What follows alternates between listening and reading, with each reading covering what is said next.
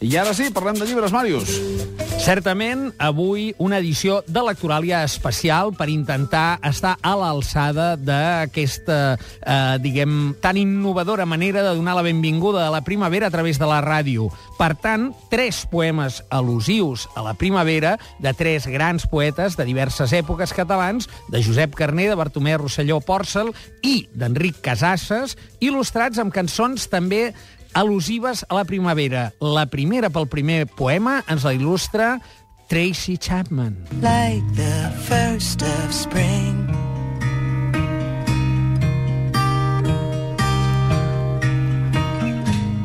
Aigües de la primavera, de Josep Carner. Aigües de la primavera que degoten pels jardins. Posades damunt les branques, les gotes es tornen brins. El cor d'una trista fotja tremolen els cels divins. S'acuita la neu a fondre's i baixa torrent endins. La fressa de les escumes, com mou el fullam dels pins. Com sotgen les flors novelles, com dringuen aquests matins. Al riu de les aigües noves diuen que hi ha tres remolins. L'un molia or i plata, l'altre perles i rubins, l'altre l'amor de les dames que captiven els fadrins. Josep Carner ens ha portat la primera poesia d'avui. Què tenim com a segon? Ens l'il·lustra una veu molt més profunda que la de la Tracy Chapman, It Might As Well Be Spring, de Frank Sinatra. I'm as jumpy as a puppet on I en l'any espriu un poema del gran company, amic i eh, ben plorat Bartomeu Rosselló Pòrcel, que es diu Cançó després de la pluja.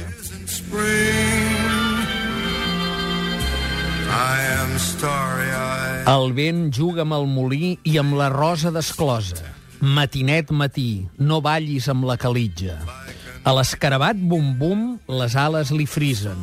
Les flors de la perera riuen i riuen. Una mica de cel blau, una mica, mica. El núvol empenya el núvol i llisca que llisca. Qui puja a la muntanya? El caragol que treu banya. El sol s'encén i s'apaga, el bo romaní argelaga. El sol s'apaga i s'encén, farigola romaguer. El sol és aquí, entre la rosa i el molí. Matinet matí, les bruixes es pentinen, el sol és aquí. Ai, que es menja la calitja. Anem a la tercera, Màrius. I el tercer, amb una il·lustració d'un tema instrumental i eh, molt recordat també de Carlos Santana, Primavera.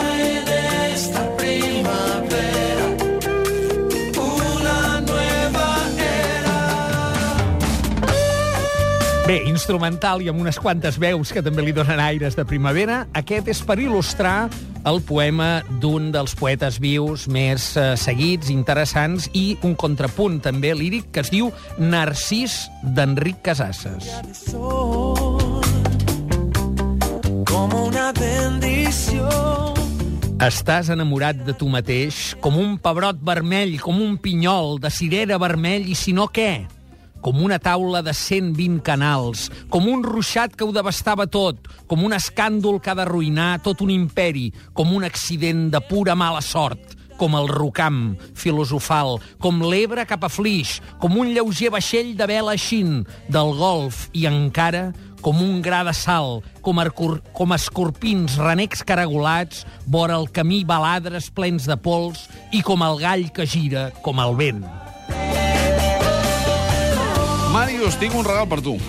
Perquè amb la primavera de fons i des del Montseny, eh, en aquest espai de lletres, volem apropar-nos a través de la natura a un dels grans personatges de la cultura catalana del segle XX, el filòleg i lingüista Joan Coromines. Perquè des d'aquest mes de març, sis rutes ressegueixen la seva petjada per alguns dels millors racons del Montseny i del Montnegre.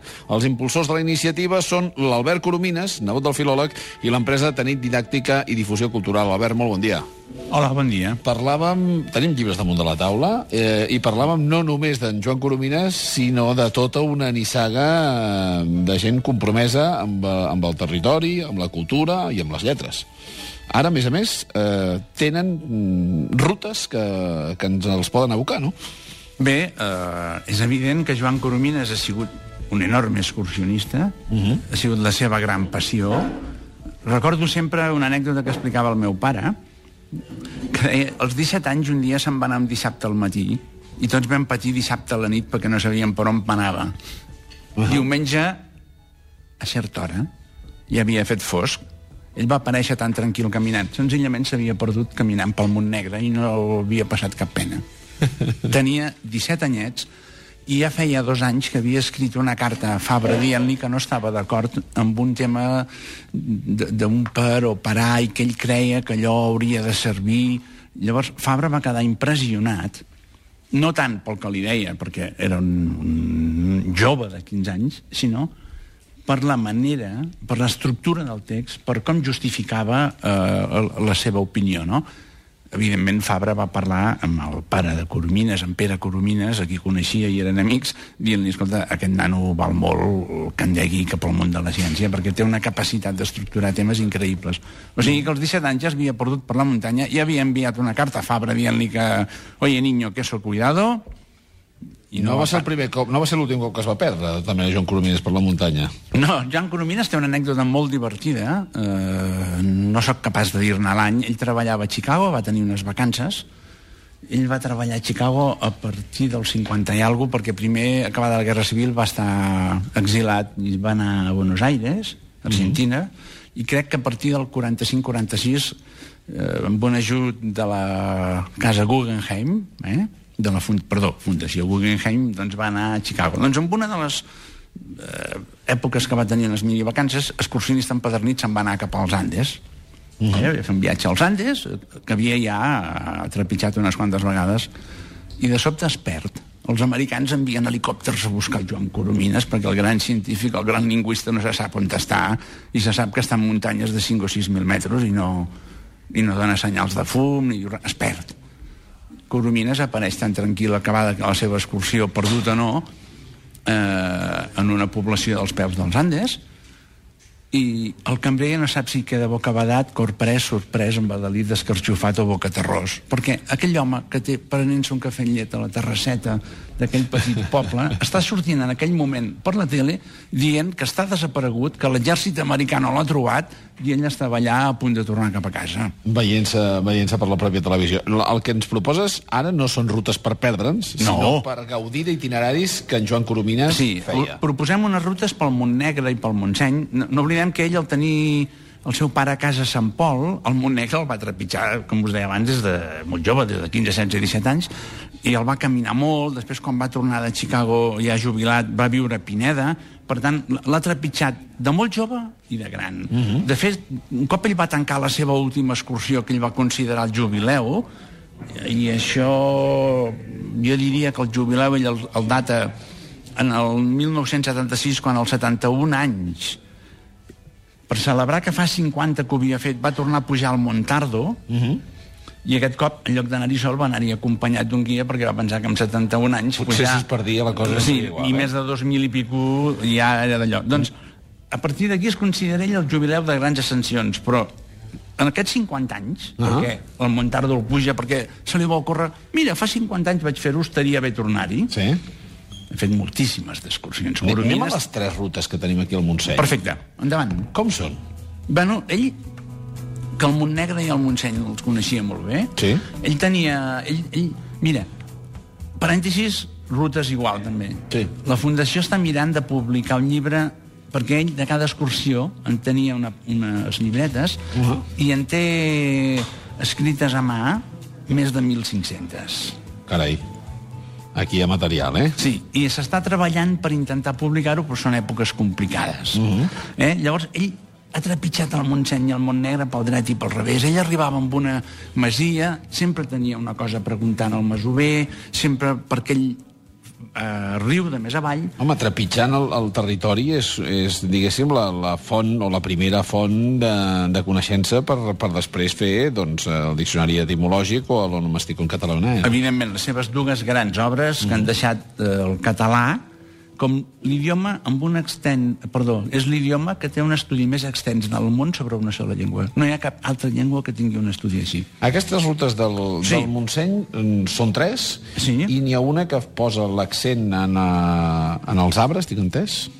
Sí, les rutes del Montseny, eh, sempre el guia que els recull en un lloc, l'estructura és molt senzilla, hi ha un punt de partida, el recull un guia, es fa una, una ruta de 45 minuts, una hora, allà una persona el rep, els dona un vaset de vi i comença la música i les paraules llegint textos de material poc conegut de Coromines, perquè no se sap, però de Coromines, com que no va treballar, quan va morir van trobar a casa seva a Pineda de les Golfes tres caixetes on no hi havia res més que les seves cartes de tota la vida que han donat per publicar 21 volums d'epistolaris. I a on, i a on es contracten aquestes excursions?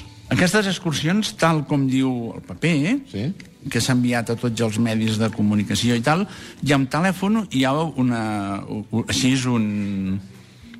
Una adreça una adreça. Sí, sí, sí, sí. Quina és? Reserves arroba Sí.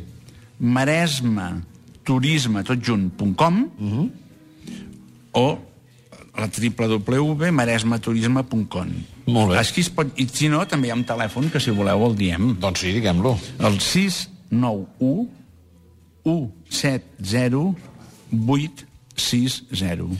Màrius Serra, eh, ja veus que, que els llibres donen per molt, fins i tot per poder fer rutes de- d'escriptors de, per territoris que coneixien bé. Sí, sí, en efecte.